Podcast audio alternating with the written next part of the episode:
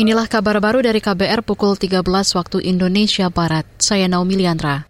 Presiden Joko Widodo angkat suara terkait pemeriksaan Menteri Pertanian Syahrul Yasin Limpo oleh Komisi Pemberantasan Korupsi KPK. Kepala negara menegaskan akan menghormati proses hukum terkait kasus dugaan korupsi di lingkungan Kementerian Pertanian itu. Pak Syahrul kemarin sudah diperiksa KPK, laporan Iya, hormati proses hukum yang ada. Hormati proses hukum yang ada. Sebelumnya Menteri Pertanian Syahrul Yasin Limpo menghadiri panggilan pemeriksaan KPK awal pekan ini. Kader Nasdem itu diperiksa selama tiga setengah jam dan usai diperiksa mantan mengaku telah menyampaikan segala yang ia ketahui kepada penyelidik KPK. Saudara Mentan Yasin Limpo diduga terlibat penyalahgunaan surat pertanggungjawaban SPJ, gratifikasi dan suap. Berdasarkan hasil gelar perkara, pimpinan KPK menyepakati Yasin Limpo dan dua pejabat Kementan lain sebagai tersangka. Kementerian Komunikasi dan Informatika Kominfo mendorong pelaku usaha mikro kecil dan menengah UMKM naik kelas dengan memanfaatkan teknologi digital. Pakar Komunikasi Kominfo Dwi Kartika Putri mengatakan perkembangan UMKM saat ini telah memberikan kontribusi terhadap perekonomian dengan membuka lapangan pekerjaan di atas 60 persen. Namun ia mengungkapkan UMKM masih menghadapi tantangan pemasaran.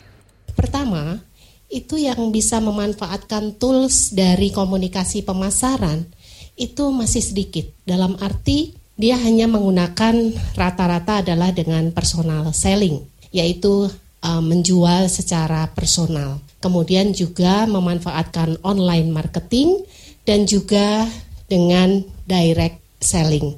Pakar Komunikasi Kominfo Dwi Kartika Putri menambahkan dengan keterbatasan pemasaran, maka UMKM harus terus bertransformasi di era digital dengan meningkatkan kemampuan komunikasi efektif. Ia mendorong pelaku UMKM melatih dan memaksimalkan fitur-fitur media untuk memelihara komunikasi di media sosial maupun loka pasar atau marketplace, hingga melakukan pengelolaan media digital. Kementerian Luar Negeri Malaysia mengeluarkan penjelasan mengenai Traktat Batas Laut Wilayah Republik Indonesia dan Malaysia terbaru.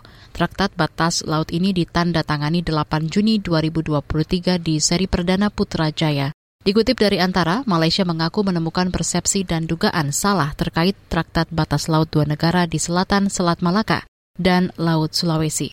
Kemlu Malaysia mengklarifikasi dokumen berjudul Nota Memorandum dari Menteri Luar Negeri Penyelesaian Isu Batas Laut Malaysia Republik Indonesia yang beredar bukanlah dokumen yang disiapkan oleh tim perundingan batas laut Malaysia.